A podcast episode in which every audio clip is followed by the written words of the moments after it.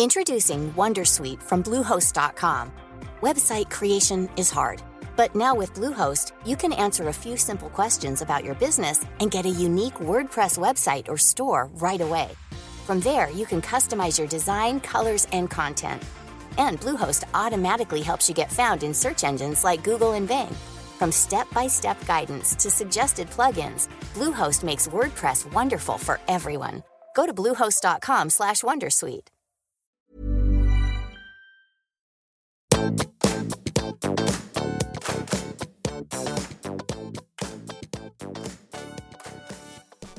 alle sammen, og velkommen tilbake til podkasten. Hæ? Velkommen til podkasten? Nå må jeg tenke meg om litt. Jeg gidder ikke klippe og redigere, så jeg sier sånn Hei, alle sammen, velkommen tilbake til podkasten Karriereveiledning med Elaine. Ble litt satt ut der av meg sjøl et sekund. Har du noen gang opplevd å bli Hva er det du sitter og ler av? Nei, jeg ler av... Ler av meg, si. jeg, ler, jeg ler av deg. Ler av deg. Nå dreit du deg ut, tenkte du. For Ja, første ja, gang. jeg tenkte det. Endelig. Endelig så skjedde det noe. Ja, nå, ja. nå eh, sklei jeg på isen. Ja, ja, rett og slett. Visste ikke at du var så ondsinna. Nei, jeg, jeg ble det. da, Du blei det? Ja, Er ikke det interessant hvordan vi liksom kan bli litt sånn Revet Er det med. schadenfreud? Mm, schadenfreud, ja. Skadefryd? Sånn Å ja, du så du sklei litt der, ja. Men Ja. du unner jo ikke meg å eh, Nei, overhodet ikke. Nei, du gjør ikke det. Nei, Nei, nei. jeg veit det. Jeg, jeg, jeg måtte bare si det. Så tenkte jeg sånn Du, av og til så sier vi ting feil. Skal jeg stoppe og starte? Du, jeg tror aldri jeg har redigert den podkasten her, eller kanskje én gang, for det var en gjest som ville at jeg skulle redigere noe. Og da er det greit, men jeg tror jeg, til, jeg har eh, både kritisert ting og sagt ting som jeg ikke er stolt av, og sagt ting jeg er veldig stolt av. Ja. Men redigering, det har vi slutta med. Ja, Så dette er jo ekte, ærlig, uredigert. Og hva bedre passer da enn at eh, Ståle Anderstuen er tilbake i studio, og vi snakket jo om det psykososiale arbeidsmiljøet sist gang, som er et sånn ganske stort ord, hvor alle er litt sånn det psykososiale arbeidsmiljø. Vi har jo forstått hva det består av. Nå skal vi se litt grann på eh, forskjellen mellom eh, mobbing og konflikter og stress og utbrenthet. Rett og slett for at vi skal hjelpe deg som hører, og fordi vi har trengt å vite forskjell sjøl. vi har jobba med veldig mye mennesker. Du i Nav i mange år, jobbet i butikk i mange år, jobbet i barnehage til og med. Jeg har jobbet tett med Nav i mange år, har jo drevet for meg selv, som mange vet. Vært mye befatning med mennesker. Og det er sånn at eh, det er jo forskjell på stress og utbrenthet, og det er forskjell på mobbing og konflikter. Ja. Og dette her er jo en sånn slags føljetong av forrige episode, hvor vi avslutta med Dette er en sånn serie i to deler. Eh, apropos at arbeidsmiljøloven på en måte har oss i sin eh, trygge hånd hvis vi skulle oppleve kaos, konflikter, ting som er av en sånn art at det ikke kjennes greit, så er det faktisk eh, ikke bare din skyld. Arbeidsgiver har også plikt og rett til å både undersøke og ta tak og gå i dialog. Og det er det vi skal se på i dag. Sånn at du som hører etter, veit faktisk hvordan du skal bli behandla, og ikke minst um, Dette er sagt før òg, Ståle.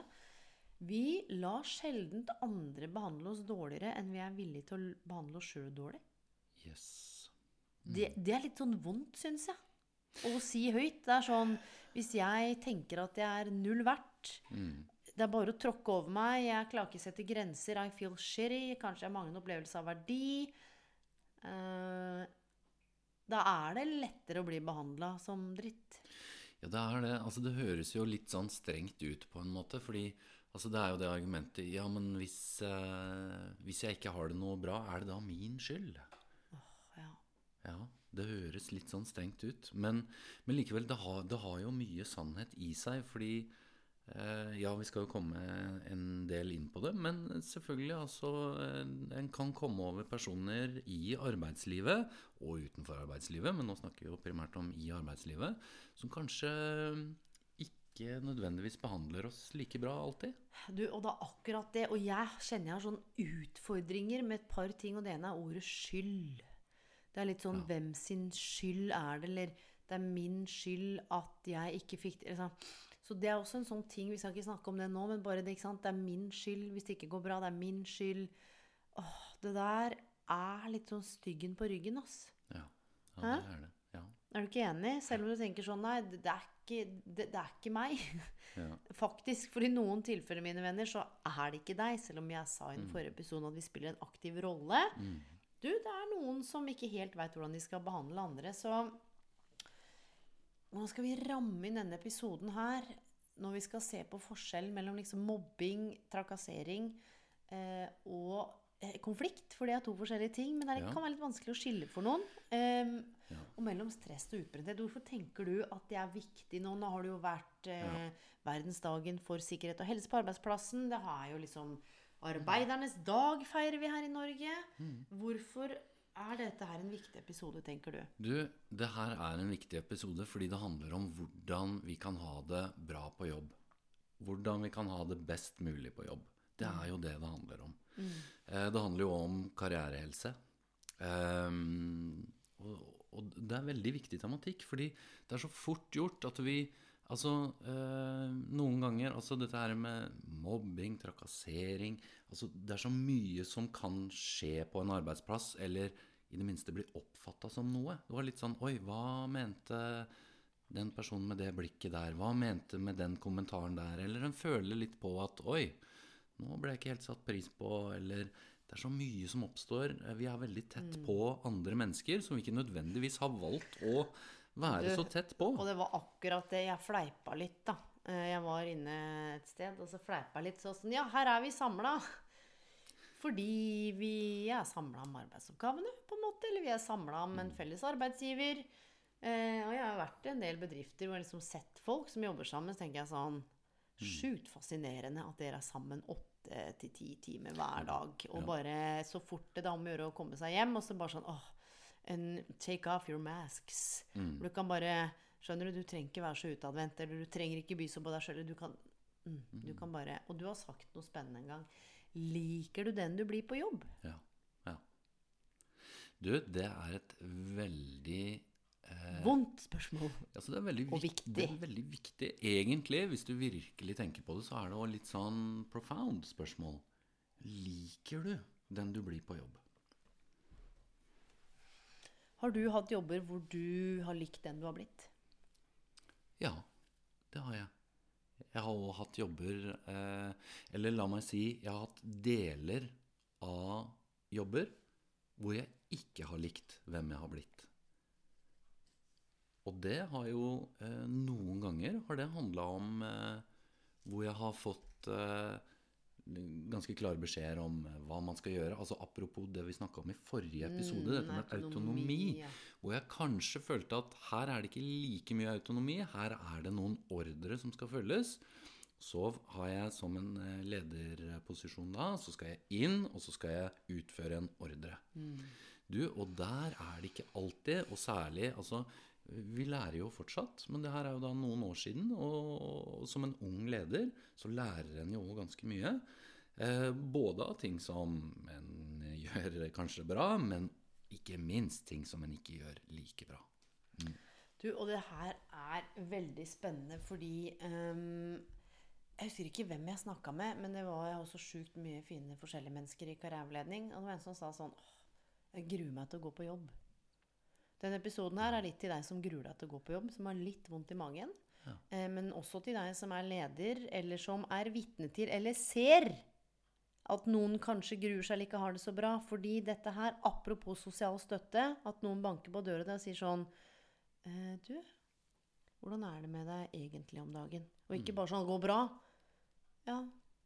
Har en eh, kul kompis i AFPT, Alex Aalerud, og han har, vi har snakka om det. Hvordan en kan svare sånn 'Ja, går det bra?' Så kan du si sånn 'Ja, stort sett'.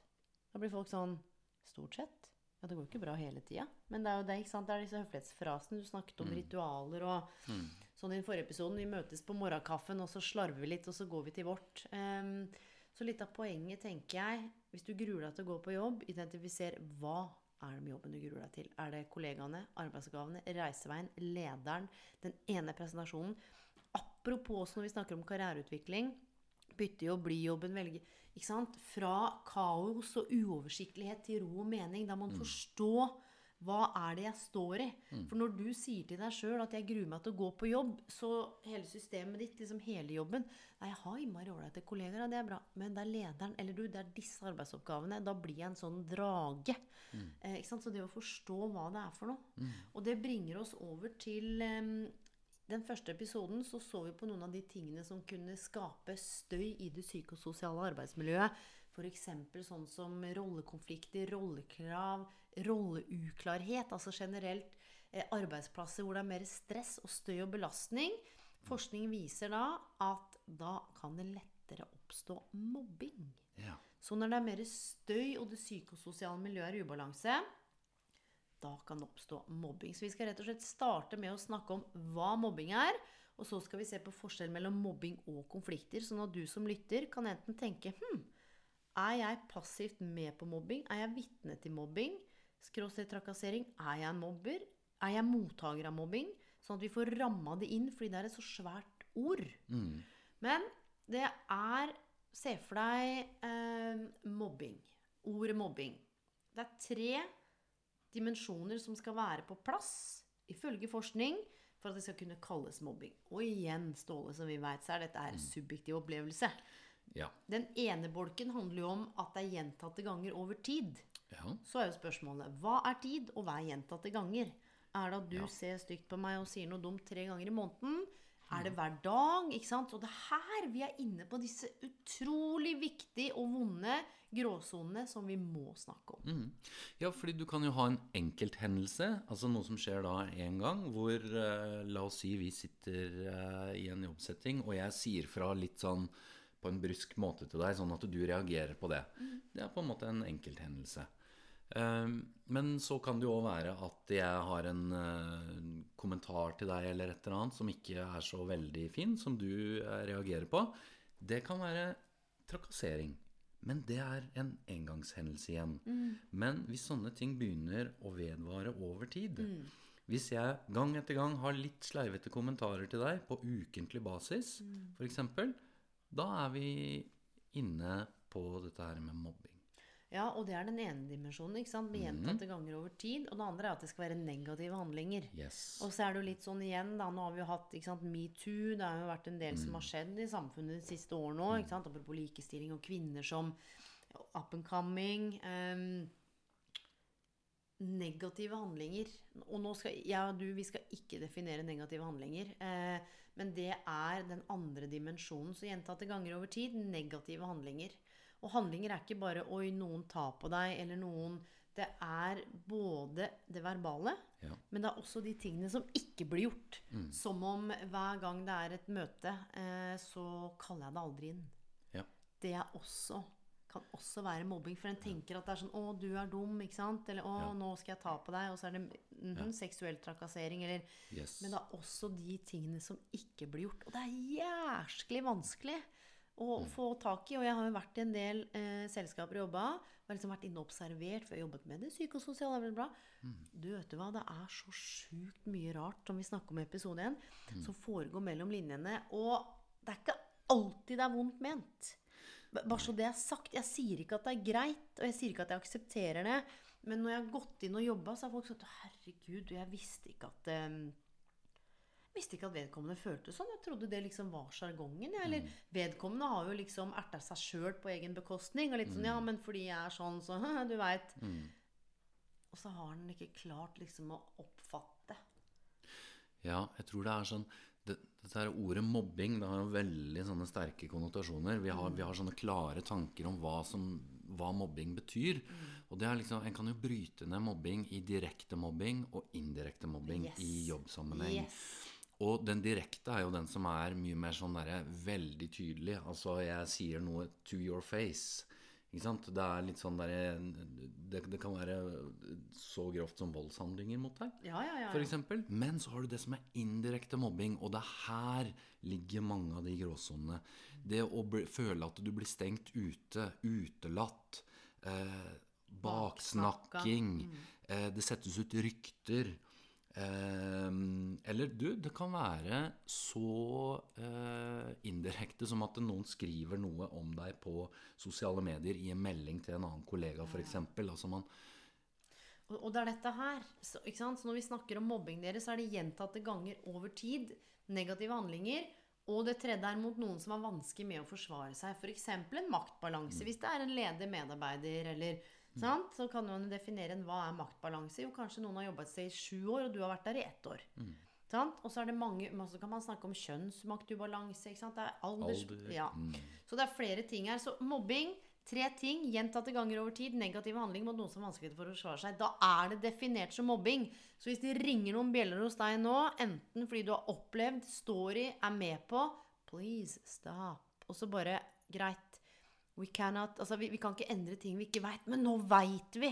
Så la dette her være en sånn Når du nå eh, er på jobb, kom på jobb, liksom Ok, ja, men du, la, la det være ukas oppfordring. Sånn hm, skal bare følge litt ekstra med. Betyr ikke at vi skal skule på noen, at ikke vi skal ha det gøy. Herregud, du må jo kunne gi meg en klapp på skulderen, eller må liksom kunne fleipe litt. Og, men det er noe med eh, relasjonen nå, så Poenget er at eh, det negative atferden må foregå over lengre tid. og må være en viss form for maktubalanse. Og vet dere hva? Mobbing og trakassering er et problem både i norsk og internasjonalt arbeidsliv, og i Norge tyder data på at inntil 14% av alle ansatte jevnlig utsettes for trakasserende handling på jobben. 5% sier at de føler seg systematisk mobba på jobben. Og som vi nevnte, hvis du tenker sånn Mobbing kommer jo ikke bare av seg sjøl, men så kan det jo være at den har eh, noen i flokken på jobb som er du vet, psykopater, narsissistiske Vi skal ikke gå inn på det nå, men det kan vi lage en episode om seinere. Men typisk hvor det er rollekonflikter, rolleuklarheter, jobbusikkerhet, interpersonkonflikter, kognitive krav og stor arbeidsmengde. Og nå kommer noe ekstremt viktig, Ståle. For nå skal vi nemlig skille mellom det å bli mobba og det å stå i konflikt. Og veldig ofte når du kommer på jobbintervjuer, eller jobber med trening på jobbintervju, så er det sånn Ja, så sier jeg til kandidaten Har du vært i noen konflikter? Så sier de sånn eh, Nei, det har jeg ikke. Så tenker jeg sånn Men du er 35. Eller du er 24, eller du er 47. Du har aldri stått i en konflikt. Du, da ringer Ja. alle varsellampene mine. Og du trenger ikke si hva det var, men har du vært i konflikter? Ja, det har jeg. Du har det. Jeg har til og med snakka om det på et jobbintervju jeg har vært på tidligere Oi. også. Eh, og du, det, jeg, jeg tror nettopp det at det, så mange svarer nei på det spørsmålet Igjen, altså Det er de konnotasjonene. Det vi Ja, det er forbinder Yes. med konflikt. Det, fordi det, det vi da tenker når vi blir møtt med det spørsmålet, det er Oi, jeg, er, eh, jeg har gjort noe gærent. En firestarter. Ja, det er noe gærent med meg. Ja, men at man er en firestarter. Yes. Husker du den sangen? Hvem er det som hadde en prodigy? Prodigy. I'm a firestar. Og så tenker de sånn Å, nå kommer det en rød ah, Ståle, ja. Å ja. Han forteller om at han har vært i konflikter. Lurer på om han starta den. Tror han kommer til å skape konflikt. Vi vil helst egentlig ikke ha Det er litt sånn vanskelig med de som lager konflikter. Det er bare best å svare nei. Poenget med det intervjuspørsmålet handler om hvordan er det du løste det? Så hvis du f.eks. har sagt, da, hvis vi bare kobler på det, sånn at det skiller kontekst sånn Jeg er lojal gjennom at jeg liksom er en god ambassadør for selskapet jeg jobbet i, og bla, bla, bla. ikke sant? Du snakker varmt og fint om deg sjøl, og så forteller at du er lojal og ordentlig og redelig. Og så sier de sånn når du står til konflikt, så enten så sier du nei, sier du sånn Ja, eh, og du skal, jeg skal bare fortelle deg om den lederen min. Han var tidenes asshole. Du, hør på alt det han gjorde.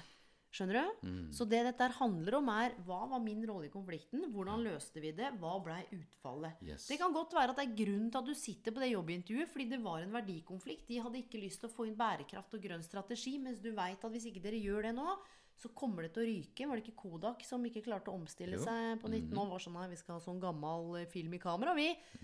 Drit-high-tech på den tida. Og så røyk det. Ja.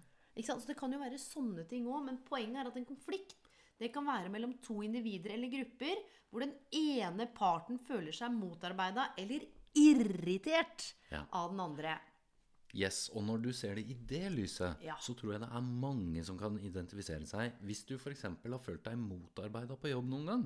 Og skråstrek irritert. Yes. Har du gjort det? Ja, det Ja, jeg òg. Ja. Herregud, noen ganger så er jeg så irritert at jeg måtte gå på do. Og så er jeg sånn Puste tre ganger, som jeg, ikke sant? Og det har jeg jo veldig bra at når jeg jobba med mentaltrening og veit hva som er hva, og ikke er sånn 'du er gæren', men mer sånn ah, 'ok, jeg har kanskje provosert litt, jeg skjønner', men du, jeg måtte puste.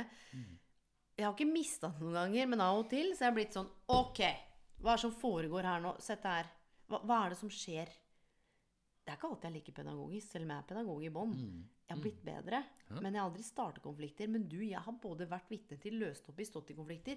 Hvorfor er det så farlig, da? Hvorfor, hvorfor er det så Hvorfor er de konnotasjonene så Herregud, alle har vel latt seg irritere av noen? Eller har, har du irritert noen, tror du? Å ja, det har jeg garantert gjort. Ja, det var bra du sa. Ja, Tenk hvis ja, du hadde ja, sagt ja, sånn. Nei, det kan Nei. Det, det ser jeg ikke for meg at jeg Ja, har nei, gjort, det altså. kan jeg ikke se for meg. Jeg er jo en sånn sindig fyr, så liksom at jeg har irritert noen Nei, det blir spesielt. Men det er litt sånn, altså Du, du nevnte jobbintervju som kontekst, og det er jo gjerne her det spørsmålet kommer opp. Og det er jo Altså, jobbintervjuet er jo, i hvert fall sånn som det er arrangert tradisjonelt, så har det jo vært en, kanskje den mest kunstige situasjonen en kan eh, skape i, i samfunnet. Ingen andre ganger setter vi oss på andre siden av et bord hvor det sitter eh, fire, fem, tre andre, og de skal bedømme hver eneste lille bevegelse de gjør med hendene, hvert og, lille og, ord du og de veit hva de skal spørre om. Yes. Men du det er, ikke, det er ikke noe sånn Her får du en liste. Du, hvis du forbereder deg på disse ti spørsmålene, kjære arbeidstaker, så kommer vi til å spørre om dette. Nei, nei. Nei. Det er sånn Vi har printa ut noen eh, intervjuspørsmål fra Google. Og vi skal starte med Kan ikke du fortelle litt om deg selv? Hvorfor du har søkt jobben? Hva som er motivasjonen din? Hva er sterke og svake sider?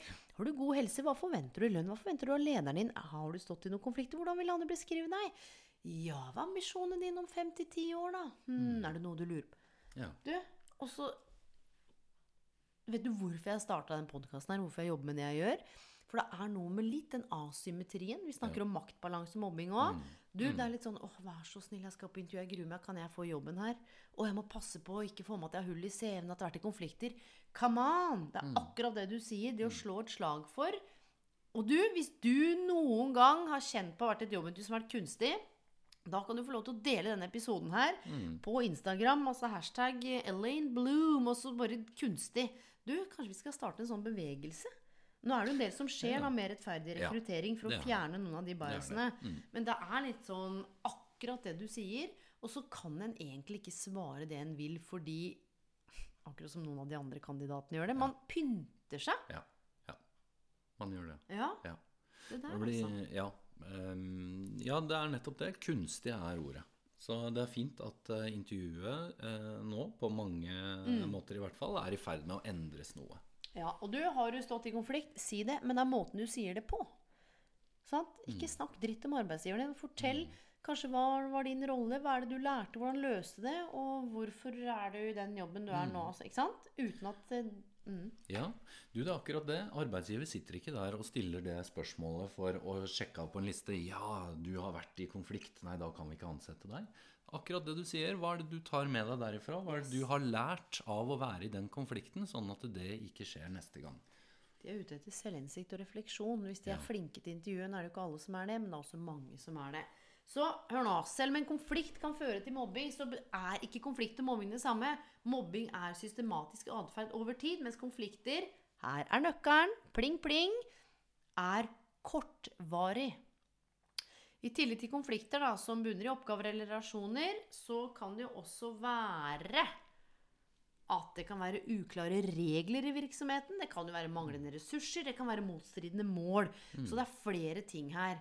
Men utelukkende så er det forskjell på mobbing og konflikter. Selv om konflikter kan føre til mobbing, så er det to forskjellige ting. Og så tror jeg en viktig ting med mobbing er også at eh, hvis en er vitne til mobbing, så er en faktisk pliktig til å si fra. Ja, For å bevare arbeidsmiljøet.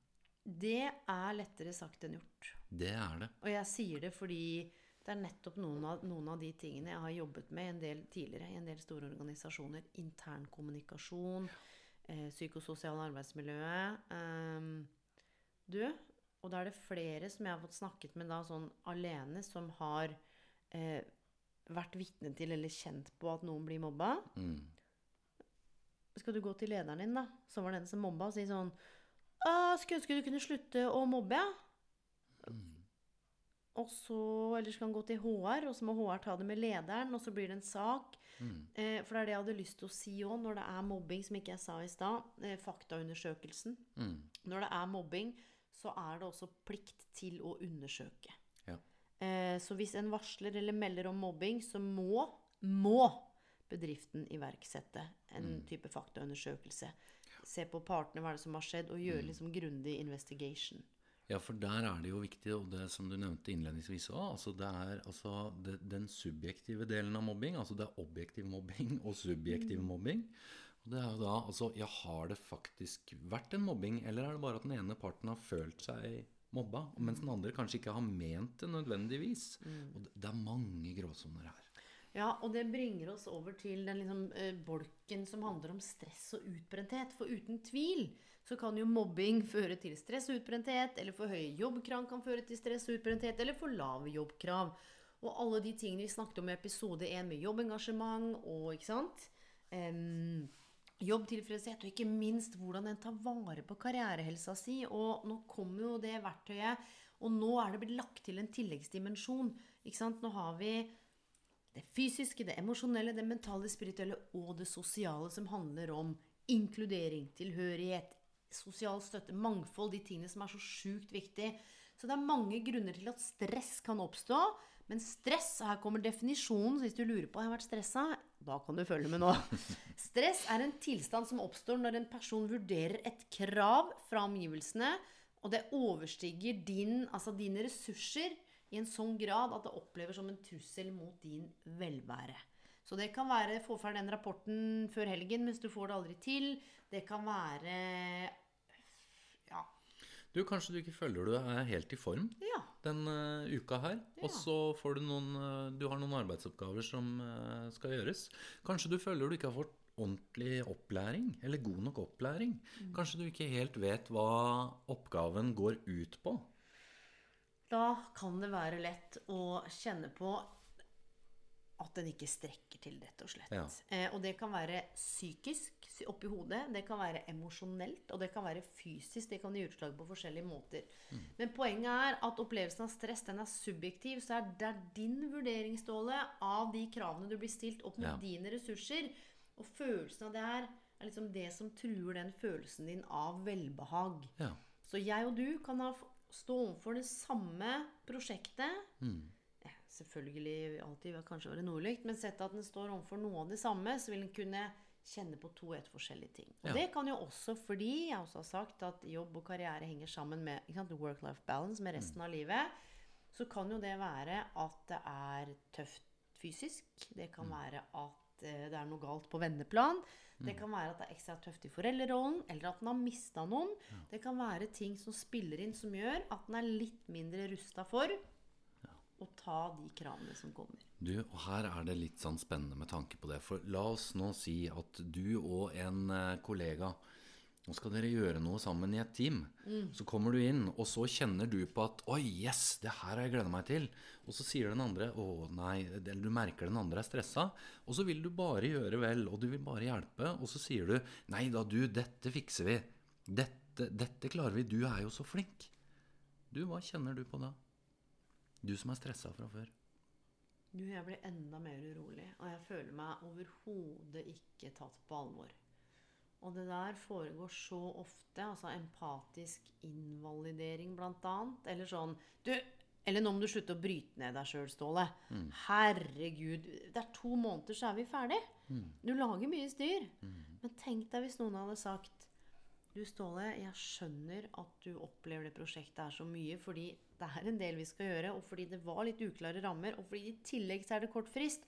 Og så veit jeg at du har hatt det litt tøft i det siste, for det er noe som skjedde for en stund tilbake. Selvfølgelig kjenner du på stress. Det å tørre å gå der, men vi tør ikke validere, for vi er redd for at vi skaper mer av det. Det er samme med barn nå. Vi vil helst at de skal være lykkelige. Vi vil helst ikke at de skal kjenne på ubehag. Vi vil helst si sånn Nei da! Du, du er ikke den som løper saktest. Eh, Du er jo kjempegod med tall! Istedenfor å si hm, det å være den som løper saktest. Du, ja, det hørtes ut som det var skikkelig vondt. Og jeg skjønner at du ble lei deg fordi alle løp fra deg. Du, men så er det sånn Nei, nei, nei, det, det går fint. det går fint. Eh, Du, du er god på noe annet. Kom, så går vi og kjøper is. Akkurat som vi liksom ikke skal tåle å stå i et ubehag. Og det er jo der også vi bygger også resiliens, da. Og selvtillit. Altså, det handler også om ikke bare om at vi Men å kunne stå i ubehag.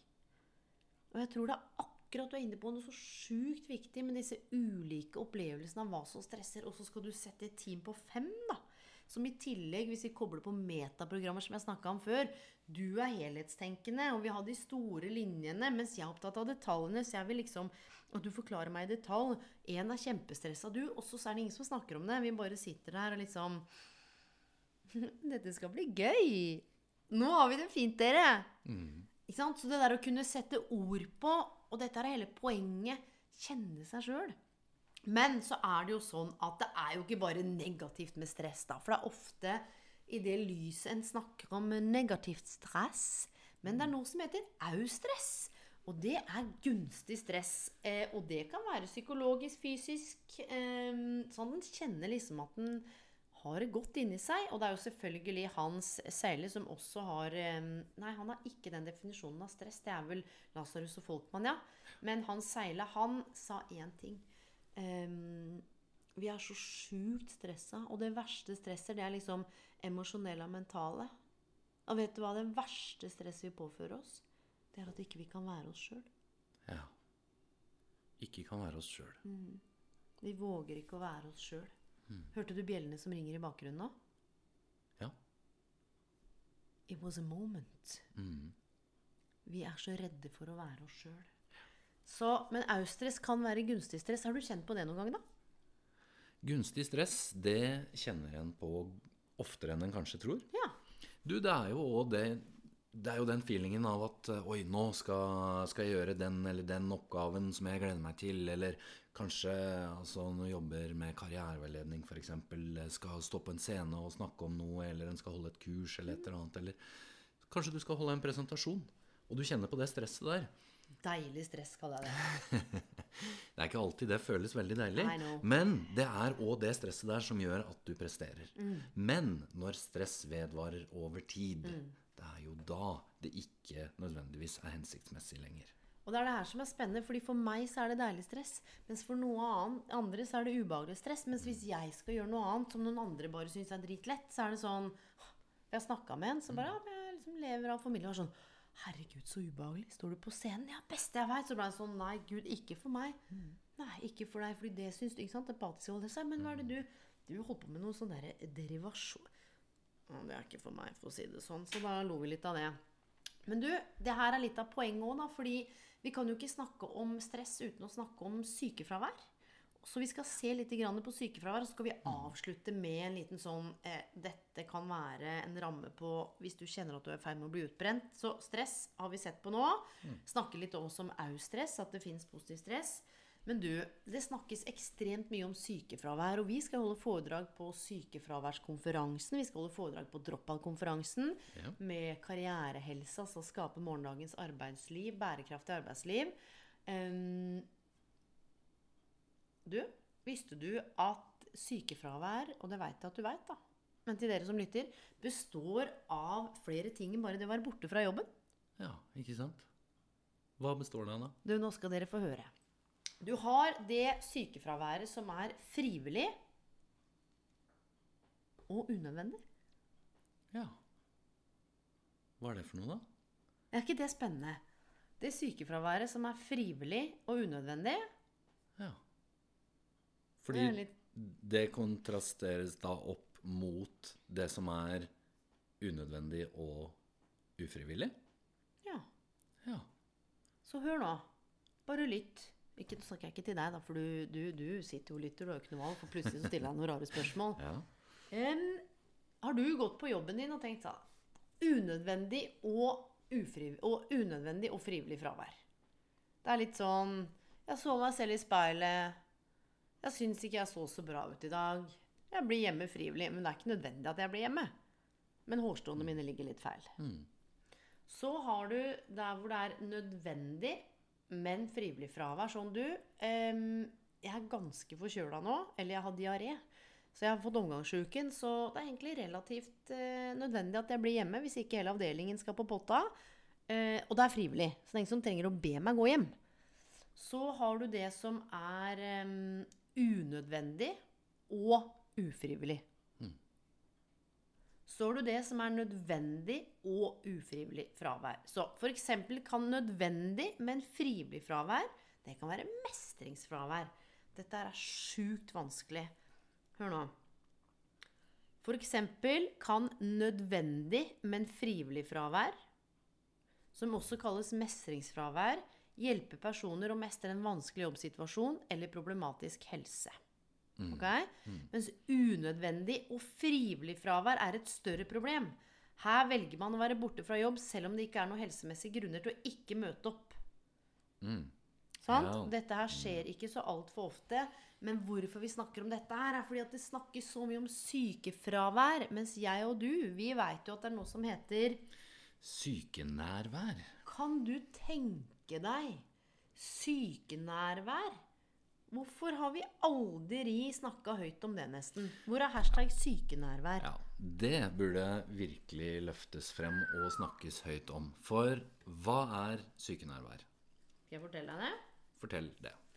Jeg kan fortelle at jeg har vært skyldig i å bedrive sykenærvær.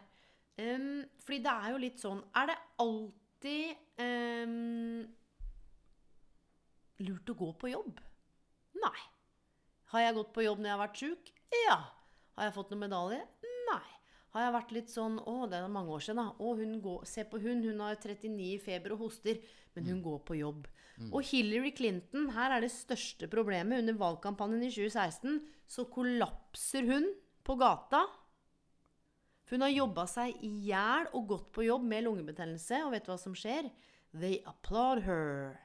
Og så forteller hun historien sin om at når hun var fire-fem år, kommer løpende hjem, for hun har blitt erta og mobba, kommer hjem til mammaen sin og skal få trygghet og beskyttelse, og sier moren bare 'gå ut igjen'. Så det å være tough, rough, ikke svak, sterk, er du sjuk, kom igjen, tenk deg bedre, bli frisk. Og da er det det som blir applaudert. Så sykenærvær handler om å gå på jobb når du, ja du ja, som lytter, faktisk burde vært hjemme. Ja, Og hva er det arbeidsgivere blir målt på? Det er sykefraværet.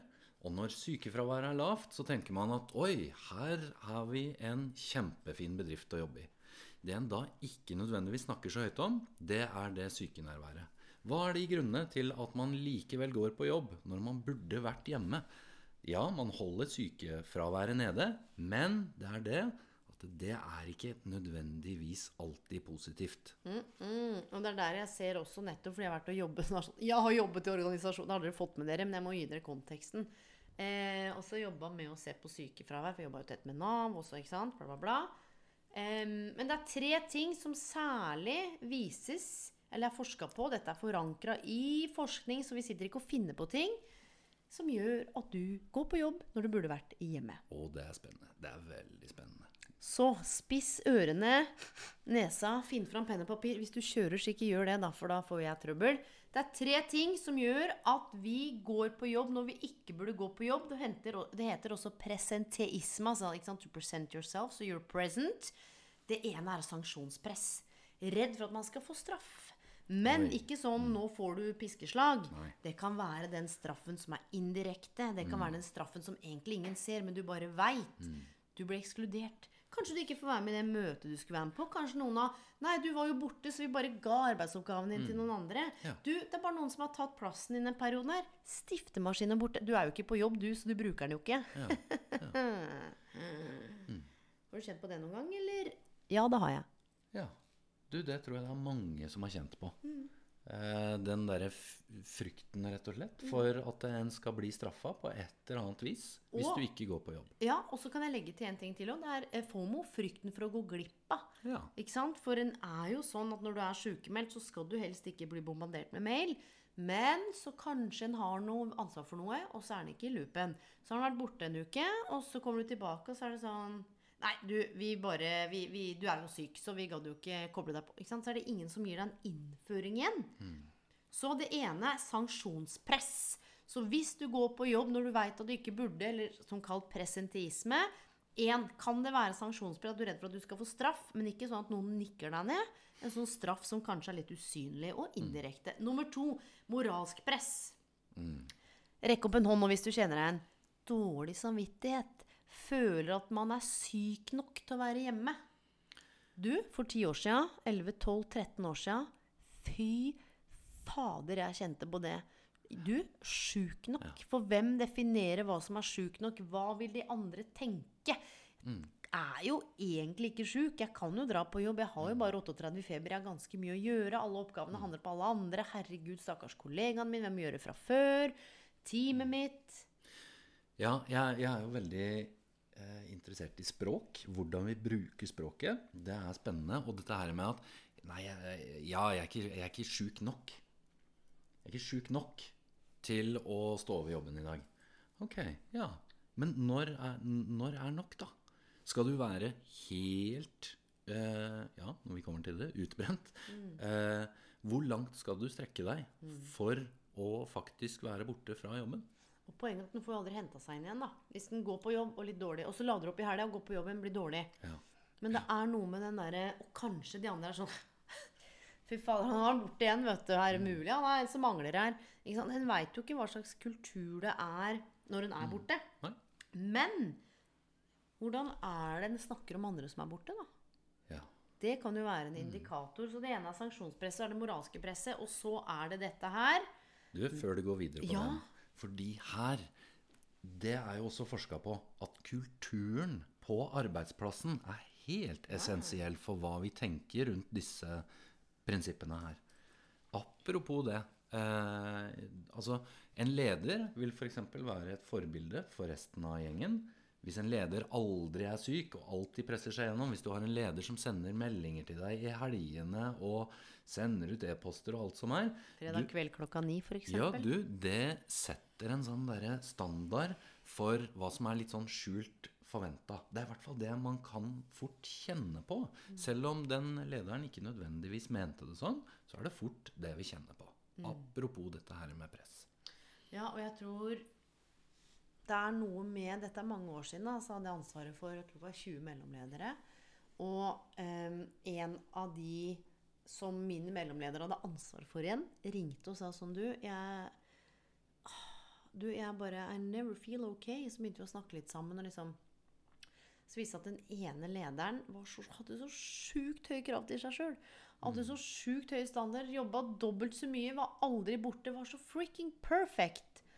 Så sa hun sånn Jeg kommer jo aldri til å liksom kunne fylle liksom, hennes sko. Da. Eller jeg kan ikke jobbe så lenge, for jeg har tre barn, jeg har en syk mor, eh, jeg synger i kor. Eh, så vi, kalte, vi hadde et møte alle sammen. da. Bare hadde en fin prat rundt det. Og det viste seg at den lederen du, signifikant. Det, det kom fra en annen organisasjon hvor det å jobbe seg i hjel, det var sett på som status. Work until you burn. Da var det sånn, fy fader, vet du, hun jobber på, har du sett på Seint og tidlig er hun på. Dette er fantastisk arbeid. Her har vi en som virkelig står på. Men se på også, som du sier, da, hvordan det påvirker de rundt deg. Det er samme med barn og foreldre òg. Du, jeg kan si til Aiden sånn, ikke gjør det. Og så gjør jeg det sjøl. Poenget er at de modellerer, og det er jo litt samme også, selv om vi er voksne mennesker. Litt som monkey see, monkey do. Hvis lederen din i F er sjukt mye borte og bare surrer, så skal jeg love deg Ja. Du gir litt få du òg. Det er ikke så viktig. Så det her er et sjukt viktig poeng, Ståle. det bringer oss til det punktet som også handler om uunnværlighet. Så vi har sanksjonspress, redd for at du skal få straff. Dårlig samvittighet er liksom ikke sjuk nok. Og nummer tre, uunnværlighet. Jobben klarer seg ikke uten meg.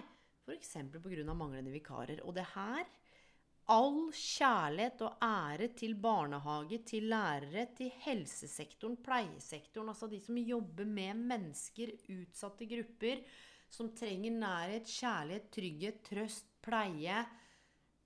Oh my god. Du, under pandemien i barnehagen til Aiden Fy fader, for en underappreciated group. Som holdt avstand, som klemte barna som de kunne, som Vet du hva, jeg kjente hadde jeg Jeg hadde shippa alt jeg kunne ha satt til de menneskene som eh, Samtidig hvordan skal en ta vare på seg sjøl, da? Hvis du faktisk tenker For det er to måter å være unnværlig på. Det ene er sånn eh, Jeg føler meg skittis, jeg får all verdi gjennom å gå på jobb. Sant? Jeg blir viktig når jeg går på jobben. Alle klapper og sier 'Å, der er Elaine. Se på hun. Det er hun som ordner alt og fikser alt.' Og nå kommer jeg og redder dere. Og så er du der hvor du på morgenen tenker sånn 'Jeg er trygg i meg sjøl', men jeg veit hvis jeg ikke går på jobb i dag, så er den ene kollegaen min aleine med elleve barn på tre. Eller jeg veit at Du, der blir jeg sånn jeg blir rørt av. Fordi jeg har jo, jeg har jo møtt sjukt mye mennesker i karriereveiledning som har vært så kjørt. Fordi de har stått på pinne. Det var en som hadde Jeg tror det var 20 stykker en gang. Det var jo ikke lov, dette er lenge sia, på et pleiehjem hvor nesten ingen kom. Så hun tok alle de pleietrengende og satte dem i en sirkel inn på et sånt grupperom og satte på noe musikk bare for å liksom holde oversikt. da. For hun hadde ikke sjans til å gå inn og dø. Og jeg, helt, jeg kjenner når jeg snakker om det. Så for noen ikke sant, så er det sånn Hvis ikke jeg går, så Og det er ikke bare kollegaene. det er ba, Ja. Og så har du de som går hvor det er sånn eh, Hvis ikke jeg kommer, så raser jobben. Og nå snakker jeg ikke om at ikke barna får det de trenger, men sånn du, det, det er jeg som kan dette. Ja, det er jeg som kan dette. Men det kan òg være det at en kjenner på at du, alle har jo fått utdelt et sett med arbeidsoppgaver som skal gjøres. eh, Kanskje i Yes. løpet av en uke eller to eller et eller annet. Man har en tidsfrist. Og hva skjer hvis jeg ikke går på jobb i dag og kommer tilbake? Hvis ingen andre gjør de oppgavene, ja, men da står jo de oppgavene og venter på meg. Da, da bare hoper det seg opp. Den følelsen der òg gjør jo at en fort kan føle på at Nei, du, jeg er ikke sjuk nok. Jeg er ikke så sjuk. Nei, og da kan jeg fortelle deg, Dette var jo forska på 1960 i militæret. Eh, så trente de soldater til å skyte. Og da var det sånn at eh, når en skulle skyte, så måtte en skyte. Ja. Og der handler det også litt sånn i, i teamarbeid at du tok en for laget på en måte, sånn at du kunne ikke være borte. Så hvis du da, ikke sant, hvis en har gjort noe fuck, så må du da stå, stå rally pushups for eksempel. Du må ta en for laget. Det var også sånn de drilla inn, var Amerika, da. Og dette er også forska på, det er en bok. Eh, bare drilla inn det, at eh, du bare eh, Du, hvis det var skyt, så skøyt du. Det var ikke noe sånn Nei, du, jeg er ikke helt enig i det. Eh, det går ikke. Eh, jeg er ikke helt i form i dag. Eh, og det er litt det som de så også når de begynte å designe altså sånn psykologisk satt sammen team, da, igjen fra USA. Hvordan kan vi designe sånn at alle på en måte Jo, ved at ingen er borte. Så hvis du er borte, Ståle, så ødelegger du for resten av teamet, du. Bare så du er klar over det. Ja. Fordi her har vi mye å gjøre med arbeidsoppgavene, så bare be aware. Ja. Og det er jo det som har vært trøbbelet her i Norge òg, Europa andre steder, hvor You let your teammates down. Ja. Come on. Ja. Du, det er en vond følelse. Det er en vond følelse. Det er viktig at vi ble litt stille nå, for jeg kom til å tenke på Ja, du, det er eh, jeg- tror altså Hvorfor er de tre kategoriene her så viktige? Altså For det første så er det det Hva er det som gjør at jeg fortsetter å gå på jobb når jeg kjenner at jeg egentlig burde ta en dag borte i dag? Det spørsmålet der kan du skrive ned svaret ditt på nå.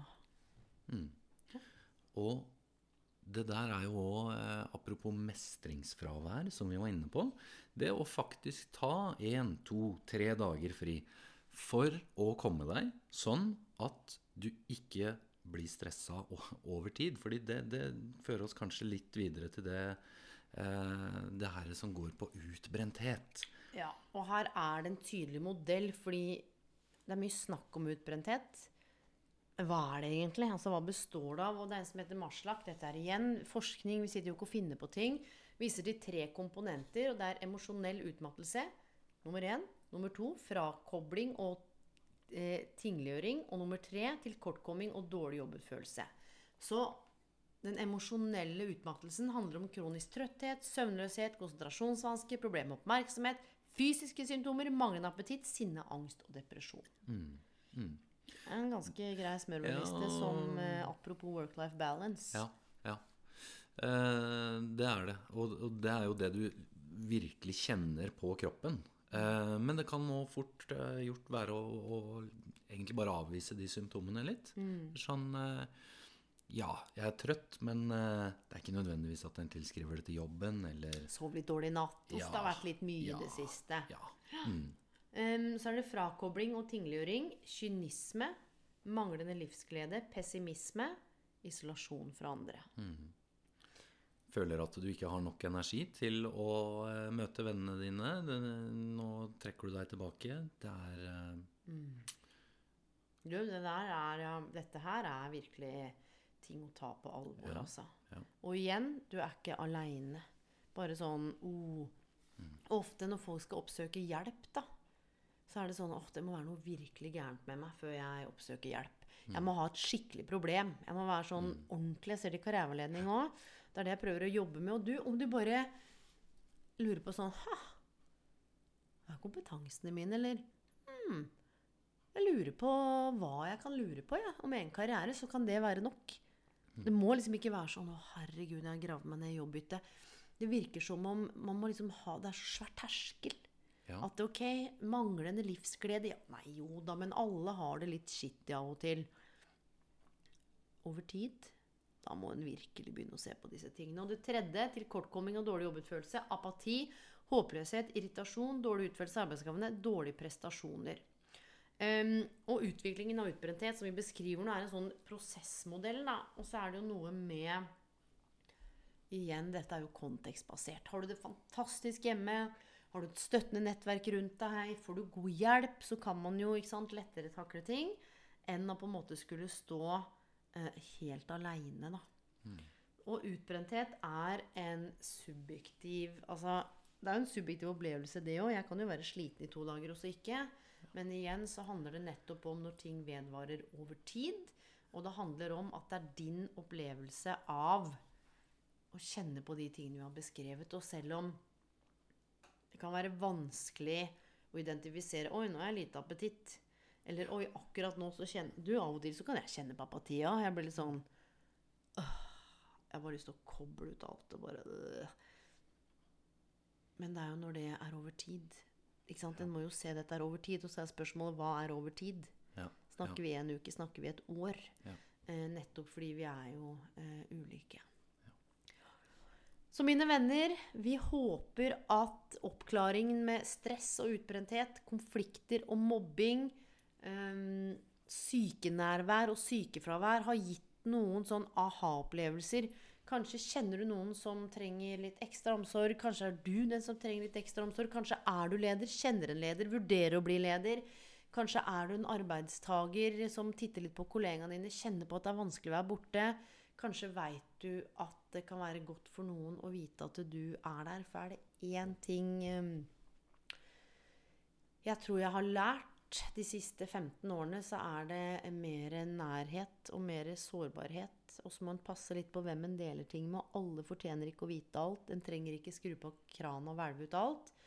Men fy fader, så tøft noen ganger det er å stå i ting aleine over tid. Og hva det gjør med en.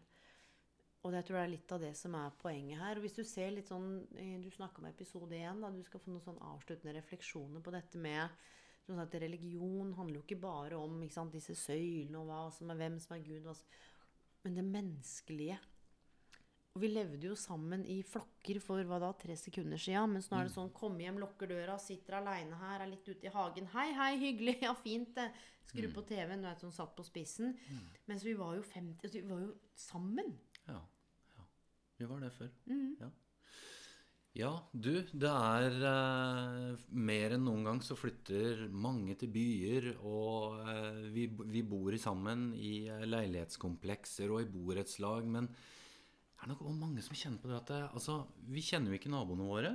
Eh, kanskje vi Den, ja. Ja, mange gjør jo ikke det. Det er bare sånn hei, hei, så, Ja. de slitsomme naboene. Ja, så er det sånn, sånn spennende fenomen hvor kanskje naboen Ja, dere, du hilser på naboen akkurat når du låser opp døra og går ut, og så treffer du på dem. Egentlig så står du bak døra, og så hører du at naboen skal gå, og så venter du til den har gått.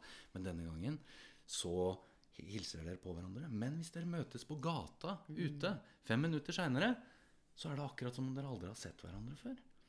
Du, dette her med å Vi har aldri vært så tett oppå hverandre, men vi har heller aldri vært så langt fra hverandre med tanke på eh, det at vi er eh, aleine. Vi kjenner oss fortere aleine nå enn før. Du, og jeg prata med fastlegen min, for jeg tok noen blodprøver, sånn årlig sjekk. Og snakka om hvordan fastlegen har endra jobb. ikke 40 av papirarbeid. Og vet du hva hun sa? Det har aldri vært så mye ensomhet. Vet du hva de ferske rapportene viser? Fra ung, fra Shotu du det å føle seg aleine om ting, Ja. det er sjukt vondt. Så er vi så egentlig Vi mennesker er så gode med hverandre. Men det er ikke som liksom Det har ikke forsvunnet, men vi må, vi, må, vi må hente det fram sammen. Ja, og jeg tror også, apropos dette her med sykefravær, dette med stress og mobbing Altså, eh, det å være et forbilde fordi altså, som vi var inne på Altså, det er så kultur, altså, sosialt betinga. Altså, med det så mener jeg den sosiale kulturen som er på din arbeidsplass. den formes jo veldig. Denne aksepten for å være borte fra jobb når du faktisk er sjuk. Under pandemien så var det jo sånn, da kunne man jo ikke gå på jobb. Selv om det var jo hjemmekontor, så det ble jo noe annet også. Men det å ta med seg det fra den episoden her òg, at du har jo òg en innvirkning og en innflytelse på dine kollegaer. Eh, være et godt forbilde der også på at du, det er greit å være borte fra jobb faktisk, hvis du kjenner at du trenger å være borte fra jobb. Mm. Nydelig. Huh. Du, eh, det var episode to, eller del to av eh, episode én, holdt jeg på å si. Og nå ble det mye del to, episode sju. ikke sant? Begynte jo rotete og avslutte rotete fordi I'm only human. Ok, dette var del to av den episoden vi hadde forrige gang. Og mine venner, jeg håper dette har vært nyttig. Hvis det er noe som gir gjenklang, gå inn og rate podkasten på Apple hvis du vil det. Eh, tagg meg i sosiale medier. Du, la oss spre det her, for det er så sjukt viktig at vi har det godt på jobben. Apropos work-life balance, fordi vi er jo på jobb ofte, og vet du hvorfor det er viktig òg?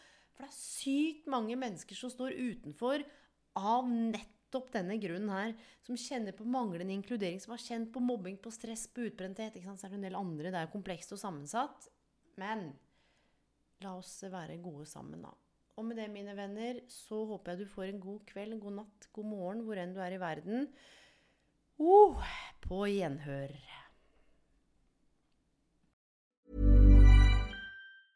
Hi, my name is Danny Pellegrino from Everything Iconic, and I'm excited to talk to you about Club Med. Club Med operates beach and mountain resorts and is the best all inclusive getaway for families. They have Club Med Punta Cana, their flagship family resort, and many other options in Mexico, the Caribbean, and around the world.